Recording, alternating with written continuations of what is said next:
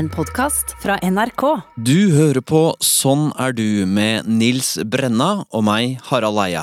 Og dette er en slags julespesial. Vi tjuvstarter nemlig 2021-sesongen med denne episoden der vi har invitert hele Norges pandemigeneral Espen Nakstad, som har bak seg et ganske så spesielt år. Flere nye episoder av Sånn er du får du fra 17. januar i appen NRK Radio og fra 24. januar andre steder du hører podkast og på P2.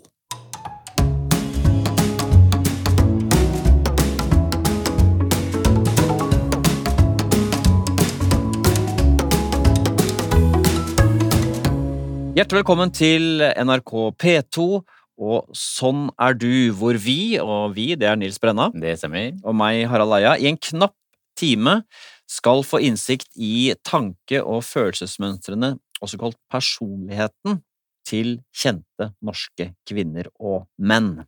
Og i dag har vi den store gleden av å analysere personligheten til lege, jurist og assisterende direktør i Helsedirektoratet, som har hatt en fremtredende rolle under koronaviruspandemien. Velkommen, Espen Nakstad. Takk for det. Takk for det.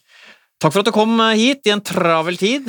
Ja, jeg vet ikke hva jeg har gitt meg ut på, men uh, vi får nå prate litt med dere. Det er helt greit, det. Ja, vi skal altså til bunns i hvem du er. Det er det, er det vi skal få til i dag. Akkurat.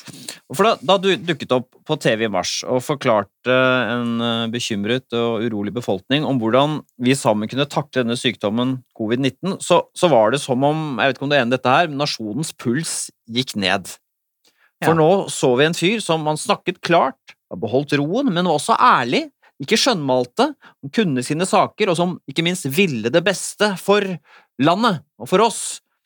Og jeg, eh, og mange med meg, vet jeg, følte at vi har våre beste folk på saken, her er det bare å følge opplegget.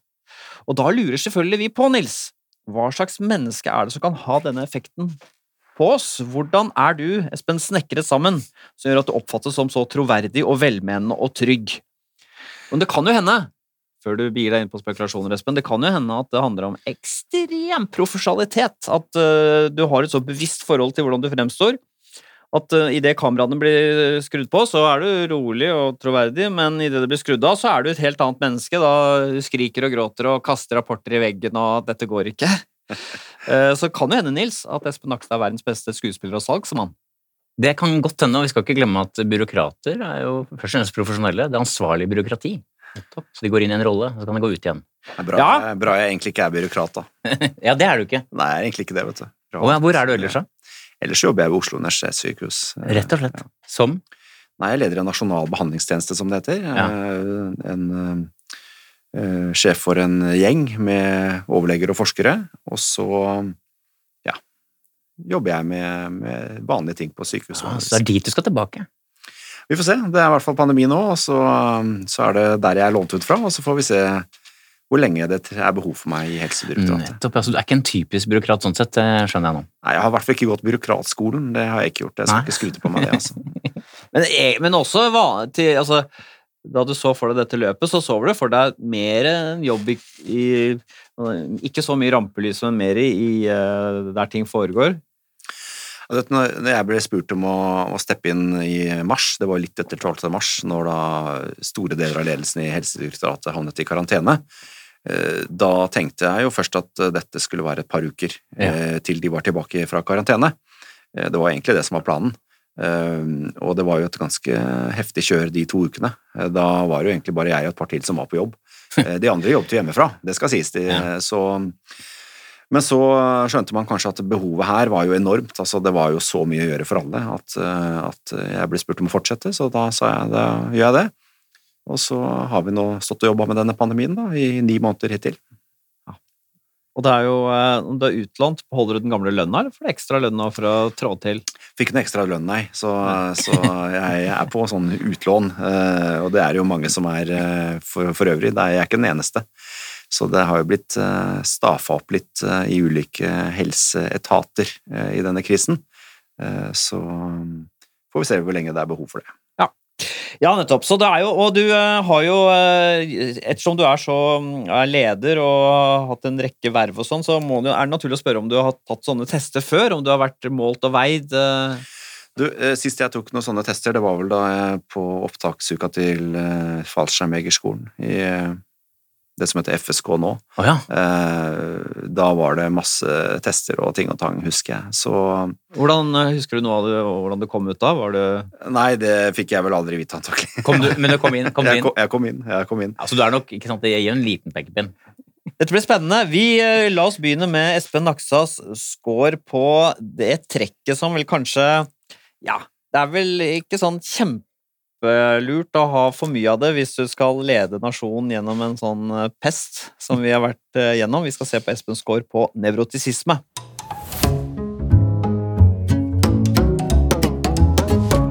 Nevrotisisme det er et personlighetstrekk som handler om negative følelser. Altså angst, sinne, fortvilelse, eh, stressfølsomhet, hvor lett det trigges, og hvor lenge det sitter i. Og vi begynner nettopp med sårbarhet overfor stress.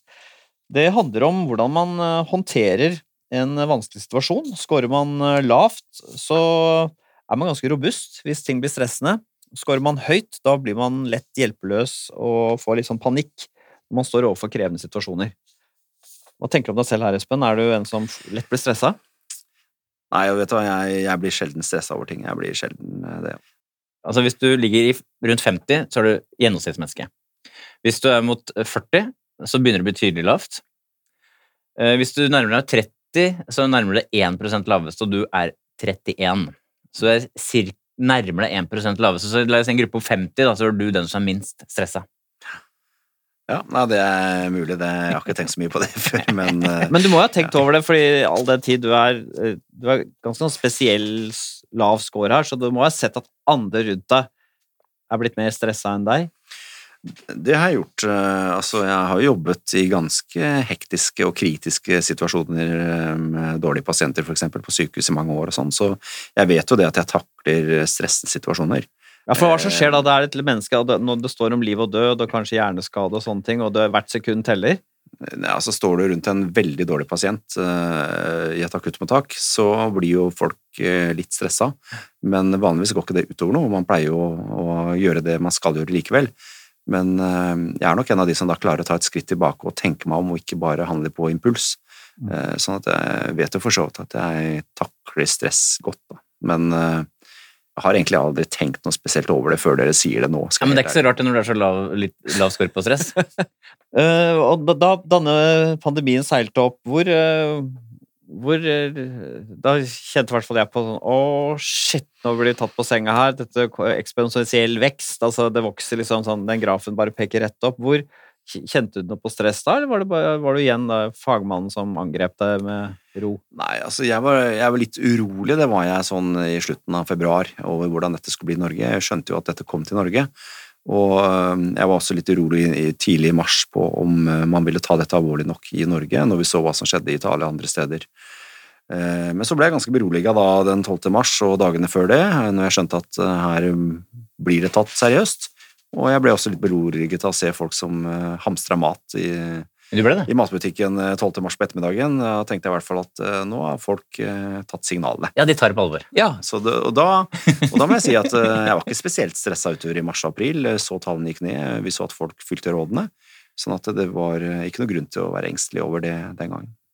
Så det var ikke sånn at Men hva med nå i høst, da når det gikk opp igjen? Var det sånn men jævlen i ah, Vi hadde jo ting under kontroll, og hva er det for, noe surr? Blir du Jo, det kan du si, men, eh, men eh, vi hadde også litt bedre tid, eh, for det gikk ikke like raskt oppover som i mars. Eh, Det så vi helt tydelig, sånn at vi kunne planlegge litt bedre og bruke litt mer tid, men samtidig så var det kanskje vanskeligere nå i høst enn det var i mars. Hvorfor det? For i mars og da stengte man ned sånn at folk eh, satt stort sett bare hjemme og kunne ikke smitte noen, og, og tallene gikk ned.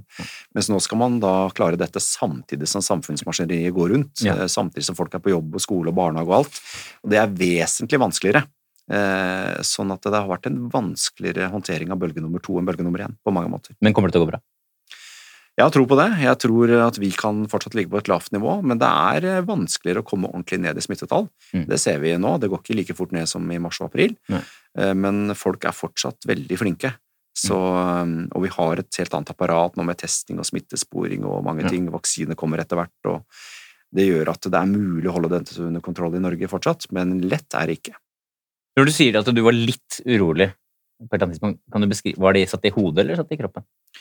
Nei, det var mest sånn i hodet at jeg tenkte at eh, det ville vært ille nå å havne i samme situasjon som eh, i Italia. Nettopp. med Du kjente ikke på frykten? eh, Nei, egentlig ikke. Jeg har hele tiden vært veldig klar over omtrent hvor farlig dette viruset er. Mm. Problemet med det er at det er, det er såpass mange hakk verre enn influensa at du ikke kan bare ignorere det. Men samtidig så er det langt fra det verste vi kunne bli rammet av. Nettopp. Så det er det som er utfordringen her, at hadde dette vært som ebola, så hadde jo eh, alle i Europa agert på en annen måte, og antagelig ville viruset kanskje blitt utrydda eh, tidlig. Mm. Men det var såpass mange som ganske lenge tenkte at dette var ikke noe verre enn influensa, kanskje var det knapt eh, som det. Og derfor Mm. så var ikke alle land like på alerten som de var i Asia, for eksempel, der de hadde hatt erfaring med et SARS-virus tidligere. Mm, Så, det, så min uro, uro knytta seg nok til at eh, jeg visste hva som ville skje i norsk helsetjeneste, som jeg kjenner veldig godt, hvis dette skulle gå som Italia. Og når kurven går rett opp, så vet man det at å vente en uke, det kan være katastrofalt. Ja. Eh, Så jeg var litt urolig for eh, om vi tidsnok ville klare å bremse den stigningen. Så det er en, eh, en eh, veldig lite stressa type, eh, Nils, vi har med å gjøre her, men nevrotesisme nevrotisisme handler jo mye mer enn stress. Ja, dette, dette samleområdet nevrotisisme rommer jo flere ting. Og i sum på nevrotisisme eh, så er du 28, det vil si at du er innenfor 1% minst nevrotiske. Du er ekstremt lite nevrotisk, Espen. Du har bare lave score på under, underfasettene, eller på fasettene. Engstelse 35, svært lavt. Fiendtlighet 33, så når noen kritiserer deg, for eksempel, så blir du ikke irritert. Nei, ikke så veldig. Nei. Nei, nei. Sårbarhet for stress har vi snakka om. Selvbevissthet, som handler om sjenanse og, og det å være ubekvem eller bekvem i sosiale sammenhenger. Veldig lav score, det takler du veldig lett. Så har du mm, på det som heter depresjon, nedstemthet og tristhet og sånn, der er det også tydelig lav. Eh, Men det, vi, det man kan lure litt på med en person som har så lav score på, på nevrotesismen, det vil si at den er så lite plaget av negative følelser, og dette har du sikkert snakka om flere ganger, men du har jo vært gjennom en tragisk hendelse om at du mistet din eneggede tvillingbror. Mm. Hvordan, for å stille et litt rart spørsmål, hvordan er det for en som, har så, som er så lite plaget ellers, holdt jeg på å si? Nei, altså, det treffer deg like hardt som alle andre, det. Ja. Eh, det. Det blir ikke noe enklere å håndtere sånne ting fordi du til vanlig er en person som ikke går rundt og bekymrer deg over alt mulig rart. Nei. Eh, Og når sånt skjer, så er det jo grunn til å bekymre seg over en del ting. Ja. Eh, Det får en del konsekvenser, Ja. eh, både for familie og barn og mange andre. Så, Mm. så det tror jeg ikke er så veldig annerledes for meg Nei. i forhold til andre.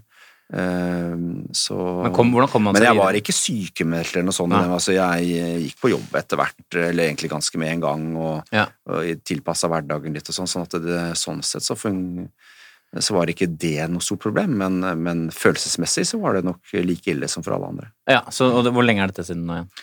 Ja, dette var i januar 2014, så det er jo en seks år siden eh, Snart syv år siden, faktisk. Sitter det i seg selv? Ja, det er noe jeg tenker på nesten hver dag. Ja, det gjør det. det, er det. Ja, det gjør det. Jeg skjønner. Mm.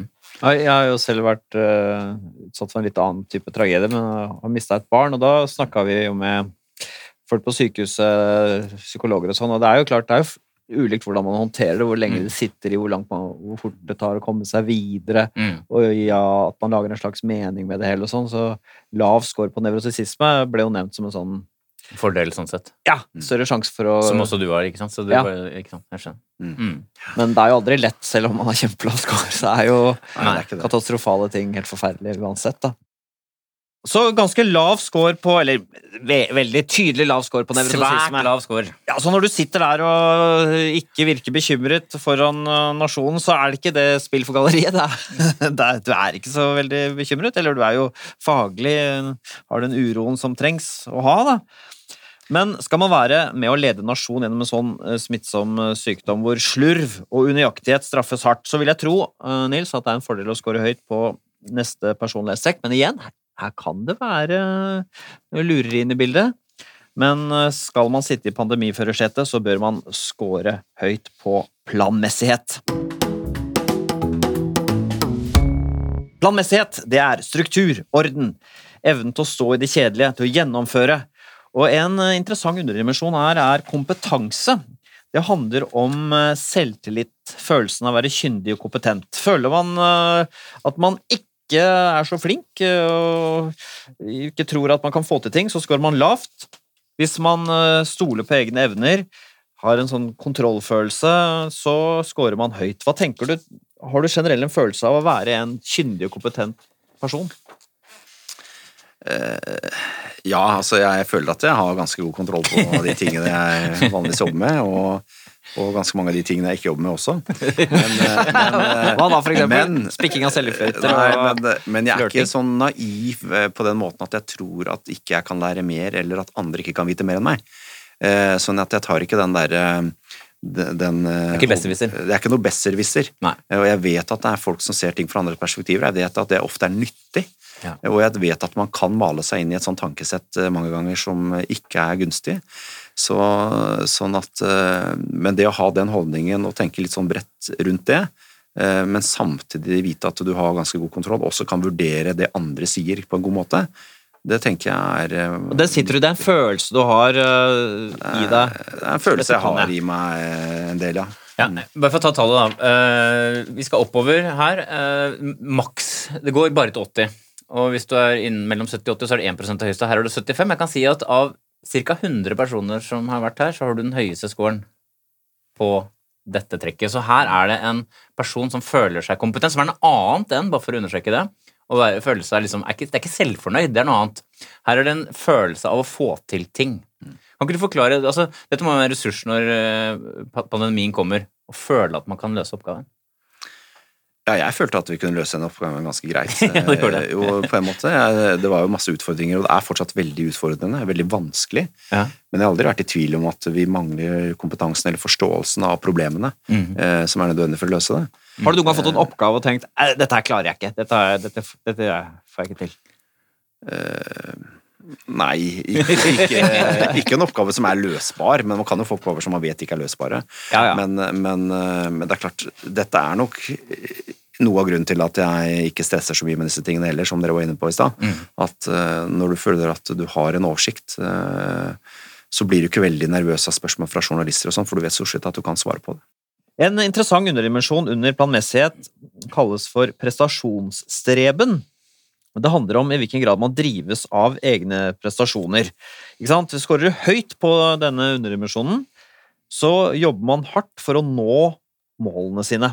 Man er iherdig, målbevisst, har en sånn tydelig retning i livet. Skårer man lavt, så øh, man drives ikke av å, å lykkes. Man bare ja, 'Jeg ble med på det prosjektet, jeg ble spurt om det, jeg har ikke noen plan'. Kanskje er litt late, til og med. Mm. Hva tenker du om deg selv her? Er du ambisiøs? Nei, altså, Jeg vet i hvert fall at jeg har alltid vært litt sånn resultatorientert på den måten at skal jeg bruke tid på noe, eh, så må det liksom ha en mening. Eh, men Da må komme noe vei. Eh, altså, og det har jeg nok litt fra idretten i gamle dager, at når du legger ned utallige timer i trening, så gjør du ikke bare for moro skyld, det er fordi du har et mål du skal oppnå. Mm. Så, så jeg har alltid mm, vært veldig sånn resultatorientert på den måten at eh, det betyr noe om det, det betyr noe for meg om det jeg gjør faktisk får en effekt. Ja. Ja. Eh, og det har jeg alltid tenkt også når jeg har jobbet i, sykehus i mange år, at eh, det vi gjør nå, det må bety noe for den pasienten. Ja. Vi gjør ikke bare for moro skyld. Mm. Eh, og, og det har frustrert meg litt sånn når jeg ser rundt i samfunnslivet noen ganger at man, mange tunge, svære prosesser som, hvor effektmålet egentlig er eh, nesten ikke målbart. Ja. Eller man liksom bruker masse tid på prosess uten å tenke resultat. Hva, det for, hva betyr det, for Nei, eksempel? det, jeg vet ikke om jeg skal gå inn på så mange eksempler, men altså det er, noen ganger får du følelsen av at en prosess er viktigere enn resultatet. Ja. Eh, Og, at Og prosess, hva er det dette? Nei, at at jeg... du, nei, ikke sant? du får en oppgave, du i, i den etaten du jobber i, eller hva som helst, så jobber du masse med den, og skriver en veldig fin rapport, eh, og bruker masse årsverk, og så når rapporten er ferdig, så er alle fornøyd. Ja. Men det som betyr noe, er jo hva slags konsekvens får den rapporten? Endres noe i samfunnet til det bedre? nettopp. Er disse ressursene brukt eh, som faktisk får en positiv endring, eller ikke? Det er jo det viktige spørsmålet. Og der har jeg litt følelsen at mange er eh, litt for opptatt av prosess noen ganger, og litt for lite opptatt av resultat. Men hva på egne vegne? Er du målbevisst? Er du sånn ø, ambisiøs? Har du 'jeg skal få til det', jeg skal Ja. Nei, jeg har ikke noe sånn bucketlist eller ting, eh, det er ikke sånn, eh, ikke på den måten, men jeg tenker som så at eh, hvis jeg skal nå bruke masse tid sånn som i år da, på å jobbe med denne pandemien, så vil jeg jo gjerne at det skal få resultater, og at vi skal uh, oppnå noe. Hvilke effekter kan man se her, tenker du? Siden du er opptatt av det. Nei, altså I denne pandemien så er vi veldig opptatt av at uh, den innsatsen som vi ber folk legge i dette, her skal eh, gjøre noe med smittetallene, at de faktisk går ned. Ja, at, eh, sånn Den type resultater er vi selvsagt opptatt av. Ja, Vi, eh, Så du var ikke så opptatt av sånn som Iran, så dere var sprayet gatene med desinfeksjonsmiddel som er bare tullball, men allikevel, det virker jo som om Det er prosess. Det er Ja, sånn eh, symbolpolitikk er jeg lite tilhenger av, faktisk. Hva, hva er ditt beste resultat som langrennsløper? Du, jeg hadde Jeg gikk aktivt til jeg var 19. Mm. Eh, det var i, i tenårene så var det vel par sesonger hvor jeg vant alt jeg stilte opp i i Norge. Er det sant? Eh, Ja, du var men, såpass god. Men eh, så var det dårlig med snø og noen skader og ting og tang. så Altså hovedlandsrenn og sånn, er det det? Ja, eller i hvert fall eh, landsrenn, som det het den gangen. Ja, du var så god, ja. ja. Da er du veldig god. Bedre enn broren din, eller? Ja, han var også veldig god. Jeg var faktisk et lite hakk bedre enn han, men det var kanskje fordi jeg trente bitte litt mer i sommerhalvåret. Men Espen, du, du, du legger vekt på at du ikke har sagt, laget deg sånn bucketliste at du skal nå sånne, sånne mål. Men du har jo først så uh, du studerer litt juss, og så blir du lege, og så tar du og fullfører sånn at du nå er både jurist og lege. Og det, er, det lukter jo en som ønsker å komme langt, da? Eller er det bare en som jeg må ha den kunnskapen for å oppnå ting og hjelpe folk? Nei, det er enklere forklaring på det. Det var rett og slett det at jeg begynte på juss. Leste to avdelinger juss på et år. Eh, Det var veldig interessant. Men jeg blei litt lei også av lesinga. Hvorfor leste, du- hvorfor leste du to på et år? Nei, det var eh, fordi at jeg hang med en gjeng som, eh, som, som skulle ta eksamen den høsten, og tenkte jeg ok, dette pensumet er det kan vi kjøre på. Så, men eh, men eh, Og så var det det at jeg hadde egentlig alltid hatt litt lyst til å studere medisin, så broren min og jeg vi bestemte oss at vi søker medisin. Så begge gjorde det samme Ja, først, så og så da begynte vi på samme kull, og det var jo et kjempemorsomt studium. Og så var jeg plutselig i en situasjon hvor jeg var nesten halvveis på bussen, og jeg hadde seks år foran meg med medisinstudier. Og tenkte jeg, skal jeg nå, er det alt det forgjeves det jeg har gjort på jussen, eller skal jeg gjøre noe mer ut av det? Så bestemte jeg meg egentlig etter hvert for å spre det litt utover med eksamener, og så ta jussen, da. Men, så det var ikke noe sånn jobbmessig ambisjon eller på noe som helst måte. Tvert imot kan du si at jeg kunne nok eh, tjent eh, både mer penger og, og andre ting på å jobbe som jurist Det- enn å det- gå inn i medisinen. Det kunne du. Eh, Men jeg gjorde det av interesse, rett og slett. du må, er, det, er det hardt arbeid, eller er du begavet? Jeg tror, jeg tror eh, faktisk at alle mennesker eh, har egentlig den samme prosessorkraften i hodet sitt. Tenker du det? Jeg tror det er eh, noe med hvordan du bruker den, eh, og det om du blir vant til å konsentrere deg og gå helt inn i ting når du lærer deg ting. Og det er det som betyr noe. Og være sånn dønn til stede, som en foreleser sa på jussen, husker jeg i gamle dager. Være dønn til stede når du skal lære deg noe. Så lærer man sånne, sånne teknikker. Og fordi jeg har hatt eh, relativt eh, mye å gjøre alltid, og alltid mange ting, også på fritiden, så har jeg lært meg å jobbe ganske effektivt, da. Men eh, jeg har ikke, noe- jeg noe klisterhjerne, jeg. Altså, Men du det er veldig få som har klisterhjerne. Ja, det er det. Men, er det, men har- var du flink på skolen tidlig? Ja, jeg var kanskje det, men, men, Du har lært deg tidlig men jeg var liksom ikke Jeg var ikke den på skolen som var liksom klisterhjern og som ble Mensa-medlem. Som, Men, men hvor mye jobber du på det meste sånn uh, uka? Det kommer helt an på hva du mener med jobb. eh, Men eh, hvis du inkluderer det å sjekke mailer og telefonmøter og ting sånn innimellom, så, Ja, så har det vært mye jobb i døgnets våkne tider i år. 17 timer i døgnet, liksom. Ja, det er jo litt opp og ned, men eh, det har vært noen veldig hektiske uker hvor jeg nesten ikke har gjort noe annet enn det. Men, men før dette her, da? I vanlig jobb, så å si? Nei, jeg jobbet også veldig mye i fjor, jeg, altså. Eh, Ja, så, ja. så, sånn at jeg føler ikke at det har vært mer belastende i år enn i fjor. Nei, såpass, ja. Det er såpass, ja. Altså, jeg også ler og klukker av dette her. Det er mye fordi liksom, jeg er på en måte så letta glad at vi har det sånn øh, At du ofrer deg sånn for oss. Er liksom mens jeg går ut og ser på serier om kvelden, så vet jeg at Espen sitter oppe og holder hjulene i gang. Jeg skal bare si, bare, bare for å ta detaljene, tallet ditt er ganske høyt, ikke kjempehøyt her, 58. Så det er, det er elementer innenfor prestasjonsrebben du scorer høyt på, så er det andre elementer som du ikke er så høy på, men i sum ganske høy på, også på denne. Hvis du tar i sum, da, på planmessighet, eh, som også er det strukturerte hovedtrekket, der er du tallet 69, igjen nærmer deg 1 høyeste. Du har bare høye scorer, du er høy på kompetanse, som jeg om, prestasjonsstreben, som jeg om. Du er ganske høy på orden, ganske strukturert. Plikttroskap, betyr at det stort sett det er ikke kjempehøyt, men stort sett følger lov- lover og regler og etikk og moral. Eh, Selvdisiplin 70, kjempehøy. Du har evnen til å stå i det kjedelige. Betenksomheten er eh, svært høy. Eh, det vil si at du er grundig. Da har vi altså så langt eh, funnet ut at Espen Nakstad er en unevrotisk og meget planmessig type. Ja. som eh, jo stemmer overens med det bildet vi ser eh, på TV. Det er riktig. Så, så langt, men vi vet fortsatt ikke om det kan lure seg noen eh, skjeletter i skapet her, da. Neste personlighetstrekk er jeg nemlig litt mer i tvil om hva som er lurt når man skal lede landet gjennom pandemien, om det er lurt med høy eller lav score. Eh, vi skal se hvordan Espen Nakstad ligger an på åpenhet for erfaringer. Åpenhet for erfaringer, det er eh, i hvilken grad man er åpen for eh, eh, og nysgjerrig og søkende både innover og utover. Ny informasjon, følelser, eh, estetiske Det er litt sånn eh, en slags sånn samlekategori.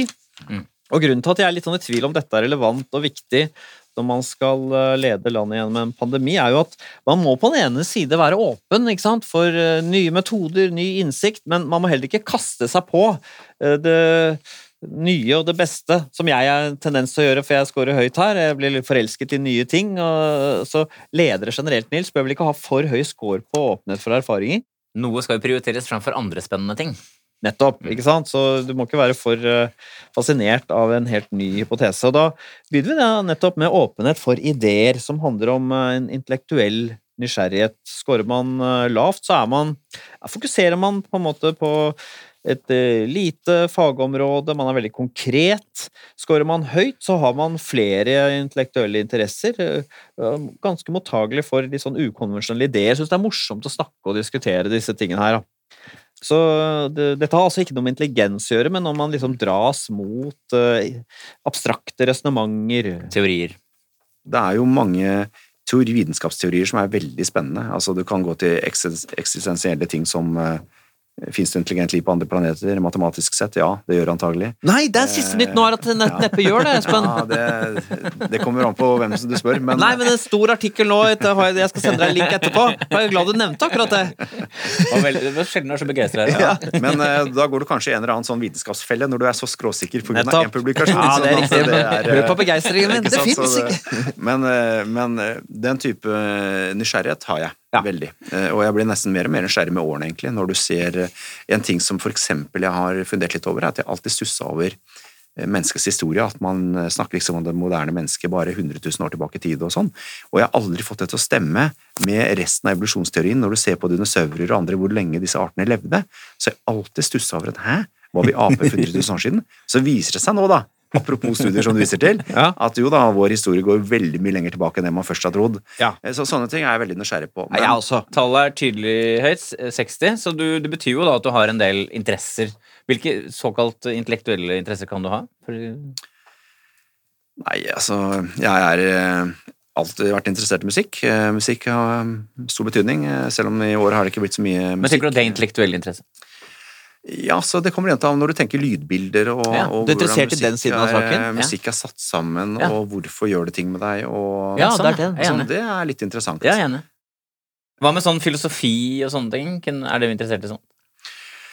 Jeg husker at eh, forberedende på universitetet var veldig interessant. Ja. Jeg husker at jeg tenkte den gangen jeg kunne søren meg studert filosofi. Ja, det- altså, det kunne vært veldig interessant. Nettopp. Eh, Så, eh, så det husker jeg godt, eh, og det er noe fascinerende med det faget. Nettopp. Som blir litt sånn, eh, trekker deg litt sånn inn i det, kanskje. Vanskelig å komme ut av det, faktisk, hvis du først har kommet inn. Ja, det tror jeg. For meg så er på en måte det spørsmålet som skiller de som skårer høy på åpenhet for idé, de som skårer lavt, er om når man er interessert i spørsmålet hvorfor fins bevissthet?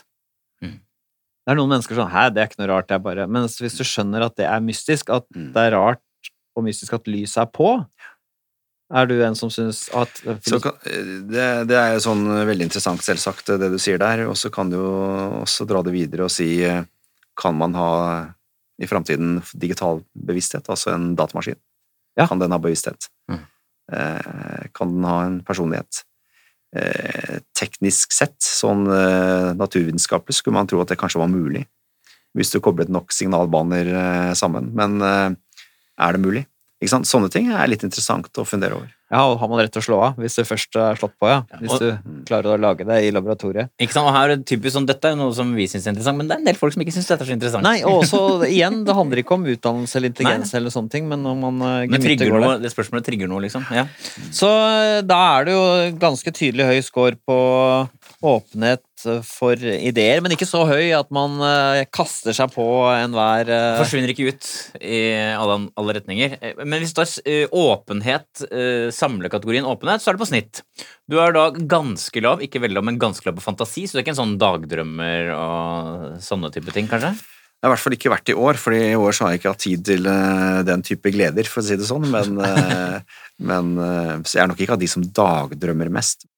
Og så er du toucha lav på det som heter handlinger. Det betyr at du det betyr at du er heller litt grann mot en del rutiner. Du er ikke utpreget variasjonsmenneske.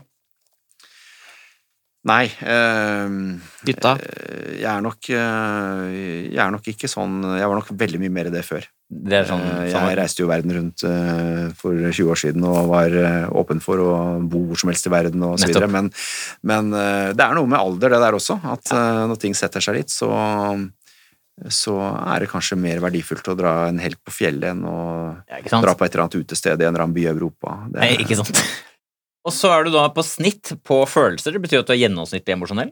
Mm. Eh, og så er du snitt toucha høy på det som heter verdier, som handler om toleranse og det å være liberal og sånn. Og så er du eh, høy, som jeg snakka om, på ideer, teoretisk nysgjerrighet. Og så er du meget høy på estetikk, som handler om kunst og kultur i alle dens varianter, inkludert musikk. Mm, akkurat. Bare et spørsmål som jeg glemte å stille, som er litt viktig på den teoretiske nysgjerrighet. Så jeg må bare spørre deg. Eh, Da, da pandemien kom, så, så vidt jeg har skjønt, så var vel du ganske sånn opplest på mye av det som ja, Jeg, jeg fulgte eh, mye med helt fra 7. januar på hva som skjedde rundt denne, dette viruset. Hvordan følger man mye med? Nei, Da leser man alt man kommer over. Eh, Alt som publiseres. eh, Og det gjorde du med en slags, ikke glede, men en Jo, det er en del av jobben min, da, Ja. eh, som jeg sånn i Oslo universitetssykehus, så følger med på den type ting. Og, Men det gjør du med, med overskudd, holdt jeg på å si? ja, når du, når du skjønner at dette kan bli stort, og dette Ja. kan bli alvorlig, så gjør du det med en interesse. Ikke du gjør det ikke bare fordi du må. At, eh, og, og når du da er i et fagmiljø, et forskningsmiljø som er interessert i denne type sykdommer og, og behandling av det osv., så, videre, så så har man jo en sånn faglig nysgjerrighet på det. Mm. Eh, Var det noen av dine kolleger som ikke var så interessert? Nei, dette jo, alle var veldig interessert. Fulgte veldig nøye med. Men er det ting dere visste da som var nyttig å vite, som kanskje ikke så mange andre visste? Det er fall mye å lære av hvordan andre land eh, håndterer ting, og hva som blir effektene f.eks. i Wuhan, da, i Kina. Ja. Veldig mye å lære av det. Hva, lærte, hva er det viktigste du lærte? vil du si? Nei, Der lærte vi for det første at eh, et helsetjeneste, en helsetjeneste kan bli overveldet selv av ganske lave smittetall. Ja, nettopp. Eh, Vi lærte at én en av fem som blir lagt inn på sykehus, havner på intensivavdeling. nettopp. Vi lærte mye om hvorfor de havna på sykehus, de som havna der. Det var ikke bare fordi de var smittsomme, det var fordi de reelt sleit med pusten sin, f.eks. Ja. Så mye av dette lærte vi veldig mye av tidlig, og Mm. det var veldig nyttig å ta med seg inn i, i arbeidet videre. Mm, skjønt. Det er bra vi har folk som følger med, Nils. ja, det er perfekt. Altså, eh, jeg var jo litt usikker på åpenhet for erfaring i, hvilken, hvordan scoren til Espen var der, og om det var en fordel å score høyt eller lavt. Og så, oppsummert er vel sånn litt høyt er bra. Ja, og så kan vi, Hvis jeg kan legge til det, så først skal ha en ganske høy score, så er det vel eh, bra at den er på teoretisk nysgjerrighet. Ja, nettopp. Så, og ikke på fantasi. Og... Neste personlighetstrekk er jo også litt sånn åpen på hva, lønner seg å score høyt og lavt på. For eh, er det lurt at helsetopper holder hodet kaldt og ønsker å hjelpe flest mulig, eller er det bra at de eh, scorer høyt og syns synd på folk har mye empati? Vi skal se på Espen Aksas score på personlighetstrekket medmenneskelighet.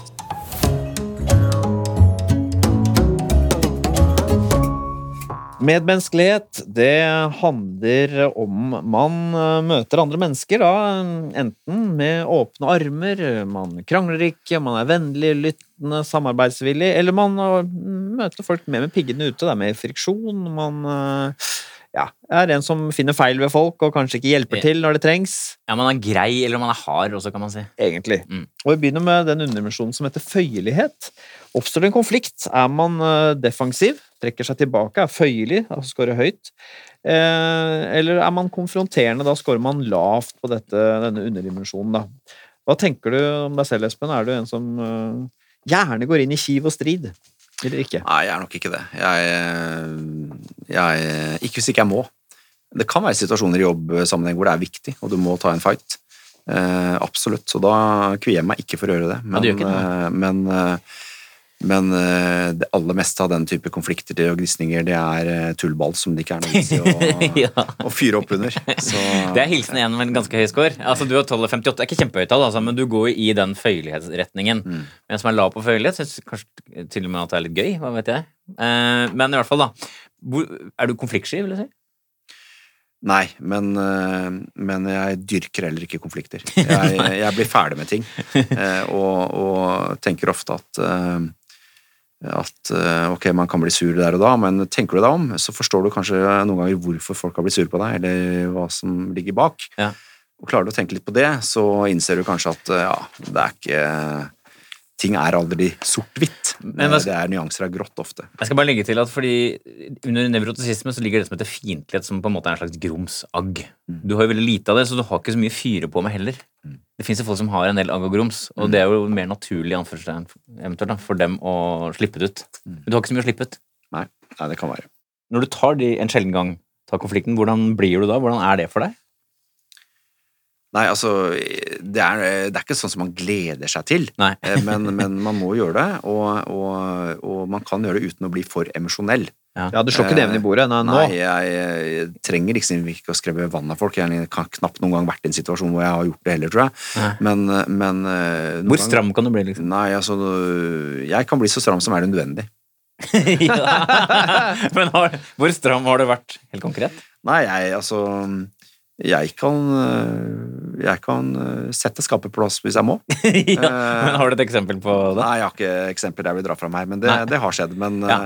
men, men vanligvis så trenger du ikke å dra det så langt. Jeg skjønner det. Eh, Det er det som er hele poenget. At det er bare hvis du absolutt må, at Men- du gjør det. Det er så morsomt med kranglefanter, for de har et selvbilde om at de er så uhyre viktige. At de er de som bringer sånn nye ideer til torgs, og eh, at det er sånn kvelende enighet. Men i virkeligheten så skvises eh, de kranglefantene mer og mer ut Ja. av arbeidslivet, fordi eh, det er ikke plass til. Ja, det Men- du, men- du har nok rett i det. Altså. Men det, når, du, når det da har skjedd en sjelden gang, så er det da folk har blitt overraska over at du har kunnet være så hard?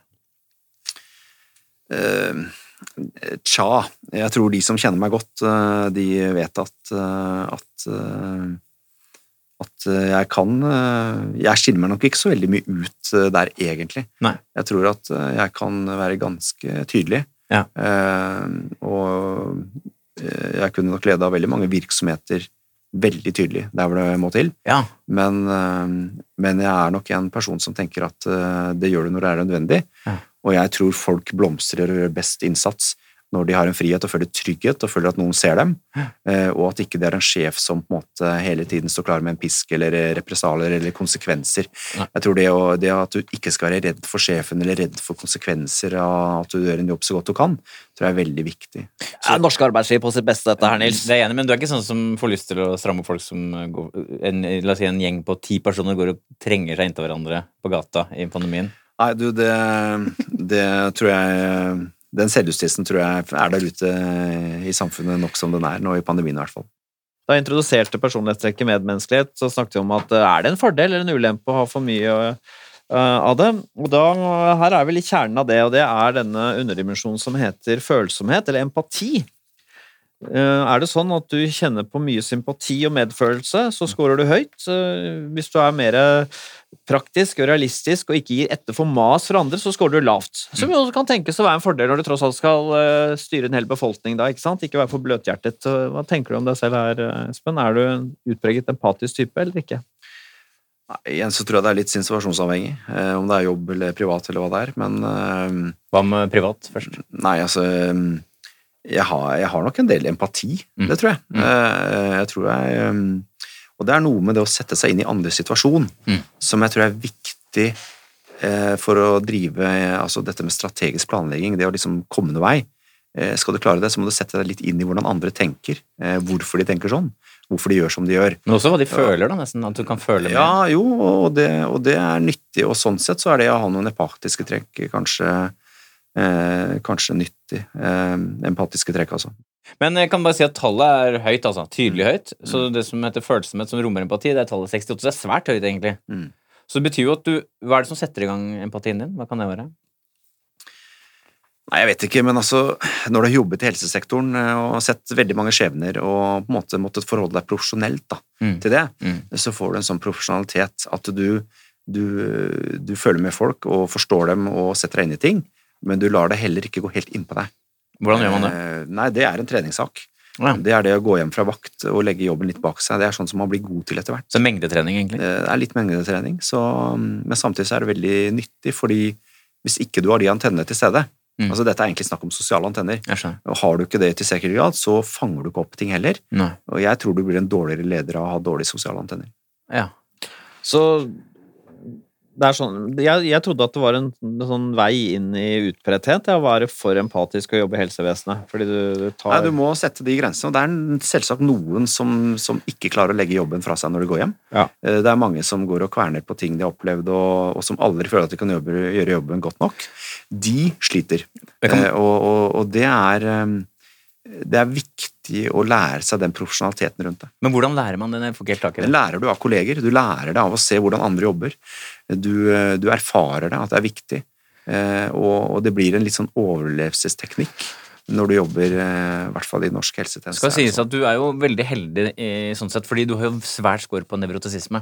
Det betyr jo at du har ikke så veldig mye anlegg for at eh, hva skal jeg si, de vonde følelsene blir liggende hos deg heller. da. Så kombinasjonen av unevrotisk og empatisk er jo lettere enn sikkert veldig nevrotisk og empatisk sånn sett.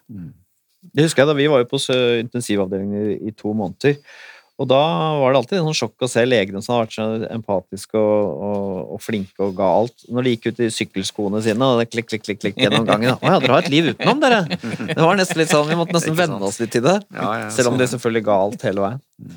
Ja, så eh, to ganske høye scorer på medmenneskelighet her, Nils. Eh, Empatisk og medgjørlig, altså ikke kranglete. da. Ja, altså I sum så er du meget høy på medmenneskelighet. Tallet er 65. eh, Det vil si at du er sånn ca. 5% høyeste. Så du er jo sånn sett en grei person. Du er jo ganske medgjørlig og grei. Du er ikke en som gir liksom motstand og setter piggene ut. Du har, du har høy score på tillit. Du er tillitsfull. Rett fremhet. Interessant. Du er ikke noen taktiker, du er ikke noen player. Nei, eh, ikke noe sånn uh, sette folk opp mot hverandre og den type playere, det er jeg ikke. Men jeg er ganske bevisst på langsiktige strategiske mål. Det er noe annet. Det er jeg. Det er noe annet. Eh, og så er du ganske høy på føyelighet. Og så uh, altruisme, som er en slags anvendt empati, kan man kanskje si. Altså hjelpsomhet og hjelpsom. Og så er du gjennomsnittlig beskjeden. Det betyr at du er verken spesielt selvgod eller spesielt selvutslettende når det gjelder egen person. Du, da kjæresten din ble forelska i deg, hva var det hun sa hun likte så godt ved deg, egentlig? At du var så snill, eller at du var så søt, eller hva var det for noe? Nei, det, det skal jeg ta i andre fora. Det får du ikke på den podkasten. Hæ, hvilket annet fora, forum skulle det være? Ja, det, den ølen vi snakka om eh, Du drikker øl, ikke jeg, da, men Nei. pandemien er over. Det, Farisen vi skal ta, jo. Men, er, men er, du, er du kranglete hjemme? nei. Nei. Jeg er ikke det. Jeg, altså, jeg er nok i bunn og grunn den samme personen på jobb og hjemme og overalt. Ja. Det er vel egentlig sånn det er. og det er aldri, aldri tenkt at jeg skal drive, skuespiller eller være en annen enn på jobb enn jeg er hjemme. og sånn. Nei, for du er ikke noen taktiker. Du har høy score på rett fremhet. Du Ja, er det er ikke noen. Du er jo ganske mye i mediene. Det følger på en måte med jobben at du skal være ansiktet utad eh, til norsk helsevesen eller pandemihåndteringen. Men er det også en eh, glede du har ved det? Altså, og hvis det er sånn at du faktisk syns det er litt gøy Å være ute i verden, liksom. Ja, Mm. Og stille opp og snakke og sånn. Det kan jo hende at det er en fordel, Nils, istedenfor den klassiske liksom, eh, bakmannen som nødig og bare pliktskyldigst tar den jobben, men gjør det selvfølgelig. Så skal vi se da om Espen er en som nyter det. Vi skal se på din score på personlighetstrekket ekstroversjon.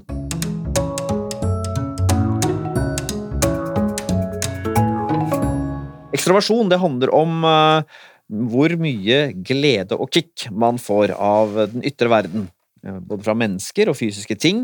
Kan være penger, kan være alle mulige ting, men eh, det handler også om energi man stråler ut om man er energisk og til stede. Mm. Og vi begynner med den underdimensjonen som nettopp handler om eh, tilstedeværelse. Det er ekstrovert varme. Hvor mye man investerer i å pleie nære relasjoner gjennom vennlighet og hensyn. Er man, skårer man lavt her, så mm, det handler ikke om mangel på medfølelse, men at man er litt reservert, kanskje litt distansert i relasjoner. Skårer man høyt, så er man sånn kjærlig, knytter seg lett til andre. Hva tenker du? Nei, det er vanskelig å si. Eh, Jeg tipper jeg er mye ganske gjennomsnittlig på det. Nei da, nei da, nei da. Du er ganske høy her òg. Ja okay. Meget høy. Tallet er 63. 10% høyest. Så det betyr jo antageligvis at du har opptil flere nære venner, vil jeg tro. Ja da, det har jeg. Så Hvor mange nære venner vil du si at du er? Nei, det kommer helt an på hvordan du regner. Jeg har, jeg har en del venner jeg har kjent gjennom veldig mange år. Ja. eh, Siden jeg gikk på videregående. Har du evnen til å få nye venner også? Det har jeg også. Ikke sant? Så um... Hvem er din nyeste venn? Camilla Stoltenberg? eh, Nei, du, i jobbsammenheng så vil jeg ikke der. Men eh, Nei eh, Du blir nok ikke like tett venn med folk du blir kjent med i voksen alder som de du har kjent siden du var ungdom, Nei. på en måte, men du kan bli ganske god venn likevel. Ja. Eh, Så, men det er ikke sånn at jeg går inn for å få flest mulig venner, nye venner hver eneste måned heller. Men eh, Men du har sikkert en 10-15 ganske nære venner, kanskje? noe sånt, ja, det har jeg. Ikke sant? Og det er jo ganske mange. Harald han har skåret lavt her. Han har ikke så mange nære venner. Det er så Nesten ingen. Jeg går alltid hjem når jeg har, du har drømt og sagt det. Alltid med litt sånn Fader, Nils sier jeg ikke har noen nære venner. Jeg har jo, Så begynner jeg å ramse opp, og så finner jeg at lista er ganske kort. da Men det er noe med å si det gang på gang. Det er sant, det. Men det er jo det som du, du kanskje tar det som en selvfølge, det er at det er sånn det virker. Men det er, det er jo en del folk som ikke er sånn. Og som er kanskje en, del menn, særlig vil jeg tro, da, har jo godt, veldig godt forhold til kjæresten eller kona si, og så er det kanskje ikke så mange andre nære. Eh, men der er ikke du, ikke sant? Nei, jeg er ikke det, men eh, om det er et personlighetstrekk eller om det er sånn livet har blitt, det vet jeg ikke. Men eh, jeg, jeg eh, har mange gode venner, eh, også, som du sier 10-15 kanskje, som er sånn Nettopp. de jeg inviterer hjem på julebord og Nettopp. vanligvis og, og liker å prate med. Nettopp. Eh, Det har jeg nok. Og så kjenner jeg utrolig mange folk i en litt uh, mer perifer setting. Som du også liker å snakke med. som jeg også liker å snakke med, men Nettopp. som jeg ikke prater med på den måten. Mm. Ja, ja. Men det betyr jo, det betyr at du, du, du får ganske lett en sånn type relasjon med folk, egentlig. Ja, det er ikke noe stort problem. Jeg, altså, sånn har det vært hele livet for meg. Altså, jeg kan prate med hvem som helst og Nettopp. trives med det. Altså, jeg kan Nettopp. snakke med en eh, bonde en, eh, på en åker et eller annet sted i Nord-Trøndelag eh, og stå og diskutere et eller annet Da liker som er interessant. da liker du jeg det. liker å prate med folk. Eh, Men det er ikke sånn at jeg kiger etter det heller. Men, men jeg er heller ikke ukomfortabel med det. Nei. Det er kanskje den vennligheten folk plukker opp uh, Ja. når de liker Espen så godt. Kompetent og vennlig, tror du ikke folk tenker det? Jo, det tenker jeg. For en del av de andre er jo også flinke folk, men du har ikke den der varmen. Eh, Er det sånn at du har blitt dytta litt ekstra fram fordi eh, måte ledelsen, helseledelsen i landet har skjønt at du funker bra på TV? Nei, eh, det har rett og slett bare blitt sånn, fordi det har vært så mye å gjøre, og vi har fordelt litt oppgaver, og, og det er Alle har hatt så mye å gjøre. Du vet jo at det du ser i media, er bare en bitte liten flik av alt vi gjør. Ja, det vil jeg tro. Eh, Sånn at eh, det sitter masse folk og jobber utrolig mye. Eh, Og da blir det fort sånn at de som er mye ute i ilden mot media, og det har vært helsedirektøren, da, Bjørn Gullvåg og meg og, og noen andre, vi, vi har på en måte tatt den biten, litt sånn fordi at bordet fanger litt. Når du først begynner å vikle deg inn i et tema, så får du nye spørsmål, nye Ja. spørsmål, og, okay. så det er en slags arbeidsfordeling. Ekstrovert varme er jo da det å knytte nære og vare relasjoner. Så har du en annen eh, underdimensjon, en ekstroversjon, som handler om sosialitet. Og det, er, eh, det handler ikke om nære relasjoner, det handler generelt om behov for, eh, sosialt samspill. Altså jo mer, jo bedre. Ja, henge med masse folk, liksom. ja, er, Skårer du høyt her, så syns du det det er fint med fest. Det er mange andre. Eh, liker å ha folk rundt seg. Skårer man eh, lavt, så blir man sliten av folk rundt seg og trenger mye alenetid. Og eh, kanskje ikke liker sånne forsamlinger med for mange fremmede mennesker. Ja. Er du sosial, egentlig? Jeg er nok eh, jeg er litt begge deler. Altså. Jeg kan trives veldig godt i sosiale sammenhenger, jeg. Også, men jeg, jeg kan ha det helt ålreit å være aleine på fjellet eller et eller annet. Jo, men du også, sa du, så- det var forskjellig det du sa der. Vel, du liker noe veldig godt, og så være helt ålreit på fjellet, og det oppsummerer egentlig det. det. Vi skal ganske høyt. Vi skal betale 60, som betyr at du scorer ganske høyt på sosialitet. Ikke ekstremt høyt, men ganske høyt. Et tydelig score. Så betyr jo da antageligvis at du, som du er inne på, at du, du Det å komme inn på en fest, for eksempel, da. Mm. Hva er det som er bra med det? Nei, altså Det er hyggelig og god stemning og altså Det er en sånn setting som jeg liker. Ja. Eh, absolutt. Eh, så Det er litt overraskende, for man tenker at nei, jeg liker best å sitte med, med tidsskriftene mine, men at du faktisk liker å være på fest og sånn, eh, det, det er ikke så lett å lese det av deg. Ja, du vet det du ser av meg, vet du, det er jobb. Ja. Du sa du ikke var så ulik på jobb eh, Nei, jeg er ikke det, jeg er ikke det men eh, sånn i private, men vanligvis i hverdagen er ikke man på fest hele tida. Eh, Sånn at eh, det er hverdagsrutinen din, eh, den du er når du går ut av døra hjemme. Og har pussa tenna dine, den, eh, den er ganske lik det jeg er på jobb. Men eh, det betyr ikke at jeg ikke jeg trives sosialt eh, Men- i den sektoren. Men du, du ruser du deg? Du, du går på fest uten å ruse deg, holdt jeg på å si. Ja, det blir ikke så mye drikking, eh, det er ikke det. Altså, Men tar du ikke ikke noe annet heller. Så det Så du drikker rett og slett ikke alkohol på fest? er det sånn? Veldig sjelden. Jeg har Ja. aldri fått smaken på det. Så hvis så er det litt lage praktisk å kunne kjøre hjem noen ganger og ja. komme seg tidlig opp neste dag og gjøre noe annet. Men du har det gøy på fest likevel? Absolutt. Veldig, veldig gøy. Men folk begynner jo å gjenta seg sjøl og spytte i ansiktet og sånn etter hvert. Hva syns du om det? Nei, du kan si Det er mulig at jeg hadde hatt det enda morsommere noen ganger ved å være like driting som alle andre, i hvert fall i studietiden. Det kan være, men, eh, men eh, det er endra seg litt, det der i samfunnet òg. Så det er eh, mer vanlig å ikke gå helt eh, bananas eh, på alle fester. Så Jeg er enig. Det er ikke så mye Så- kanon makkas drita folk lenger. Men skulle du ønske at du hadde lært å drikke alkohol? eller? Altså, jeg er ikke noe sånn av prinsippet avholdsmann eller noe sånt, men, men ja, det, det er sikkert Det å sitte og drikke rødvin er jo sosialt, og sikkert vært hyggelig å like rødvin da. Men med kona di drikker hun? Eh, Hun tar seg et glass rødvin, men eh, det er ikke alltid jeg gjør det sammen med henne. Det Hva gjør du da? Sitter og leser en bok, eller? Nei, da får jeg drikke noe annet, da. Så, Hva drikker du men, eh, Nei, det, det kommer helt an på. Så, Vann? Nei, altså da må man drikke noe litt mer spennende enn vann, da. Hvis man i hvert fall sitter i en sånn setting. Jeg drikker ofte Solo Super ja, når kjæresten min drikker vin. Gjør du det? Er ikke det litt kjedelig, er det litt kjedelig Espen? Vet du, det, er, det er nok et kjedelig, Hadde du spurt om det, så hadde det vært et kjedelig trekk med meg, helt klart. At jeg, jeg drikker ikke kaffe, og jeg drikker veldig lite alkohol. Og det vil nok folk oppfatte som litt kjedelig. Eh, særlig det hvis du kommer og blir bydd på kaffe, og så takker du nei. Det er klart det er kjedelig, det skjønner jeg. Er det så kjedelig, da? Ikke drikke kaffe? eh, jo, er litt Det er litt sånn sært, på en måte. eh, I hvert fall sånn internasjonalt. Ja. Eh, Liksom så er det veldig vanlig å takke ja til en Ja, eh, kopp kaffe eller en kopp te. Altså, det er det. Så du drikker ikke te er- heller, eller? Jo, jeg det gjør jeg. Jeg drikker litt te, men det er ikke sånn at jeg Du har ikke lyst på en kopp te? Jo, men jeg, jeg drikker litt. Det gjør jeg. Ok, så det er ikke, Men det er, ikke, er kona di sur på deg fordi du ikke drikker? Nei, det er hun ikke, men, men eh, det er klart at eh, jeg ser jo det at det sånn sosialt sett så er det altså Majoriteten tar seg et eh, glass rødvin, de til hyggelig lag, og det er veldig hyggelig. og Det syns jeg også er veldig hyggelig. Ja. Men, og sånn sett så kunne jeg kanskje gjerne sett at jeg likte det bedre enn jeg gjør, men ja. sånn er det. Men danser du da når du er på fest? Jeg kan danse mye, jeg. Det Ja. er i full fart, absolutt. Så Ja. har det veldig gøy på fest. eh, De få gangene jeg er på en ordentlig fest. Ja, skjønner. Vel, da er det jo høy eh, ekstrovert score på varme, og høy ekstrovert score på sosialitet. Men er det en utadvendt type vi har med å gjøre her, Nils? Svært utadvendt, eller svært ekstravert, for å være helt eh, pinlig nok til, eller svært ekstravert, som det faktisk egentlig heter. Du har bare høye scorer. Ekstravert varme, som jeg snakka om, 63. Tydelighet. Sosialitet, som jeg snakka om, 60 tydelighet. Selvmarkering, det betyr at du er, du, er, du er tydelig til stede. Du tar lett ledelsen i ulike sammenhenger. Du er høy på aktivitet. Du er energisk og har stort overskudd. Du er også ganske høy på spenningssøking, hva nå det måtte bety. Om det er, liker du å som, Du har jo vært fallskjermjeger, for eksempel. Hvordan var det? Nei da, jeg har drevet med mye ekstremsport og Ja, du har det? sånt. Jeg har det. Jeg hoppa fallskjerm i mange, mange år etter jeg var i Forsvaret også. Syns du ikke det er skummelt?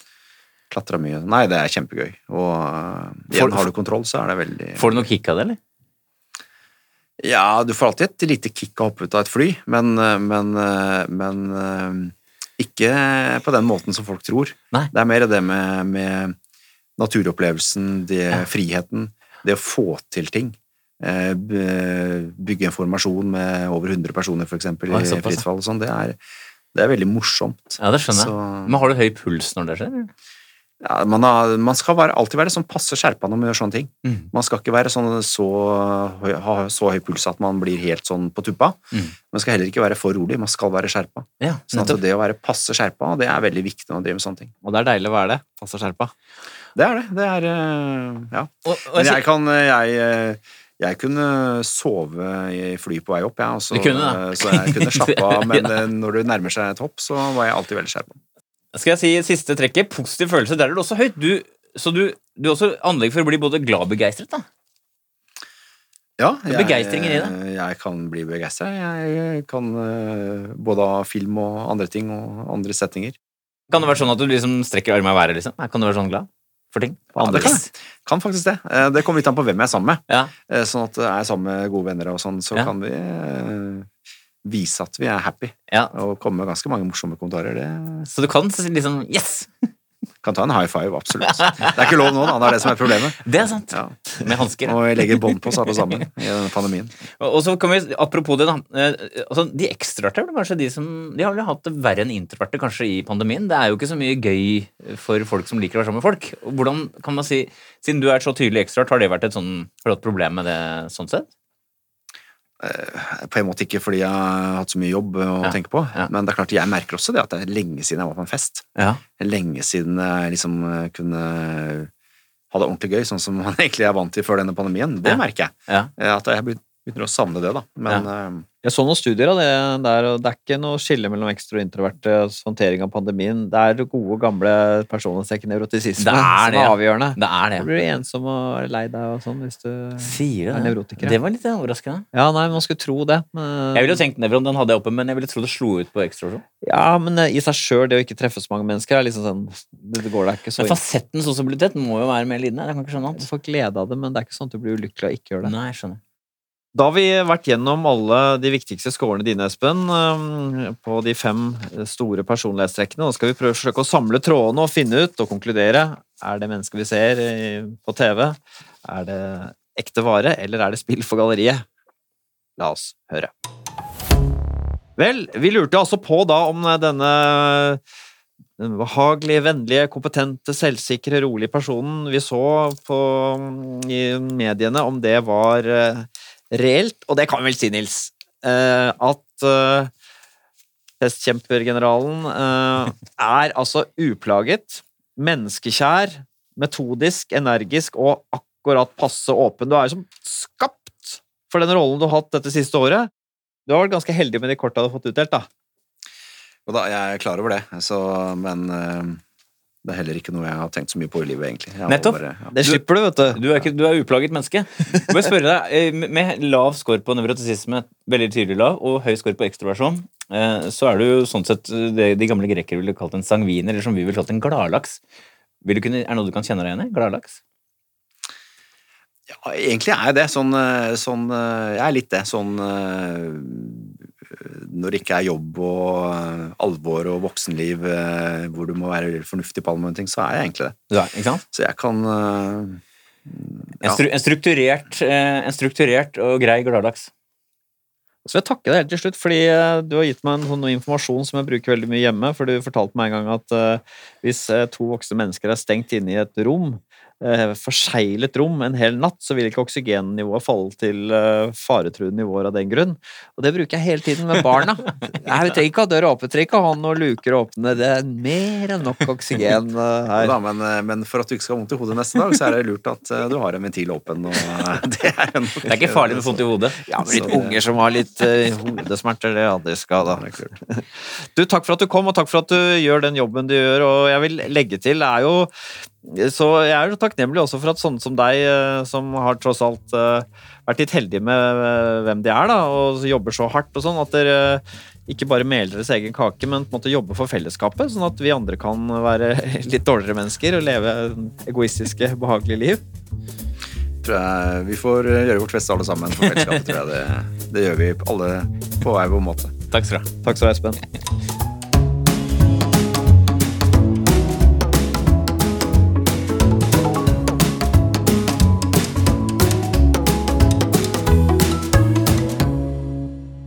Du har hørt en slags julespesial eller førpremiere på 2021-sesongen av Sånn er du. Flere nye episoder kommer fra 17. januar i appen NRK Radio, og fra 24. januar andre steder du hører podkast, og på P2. Du har hørt en podkast fra NRK. Hør flere podkaster og din NRK-kanal i appen NRK Radio.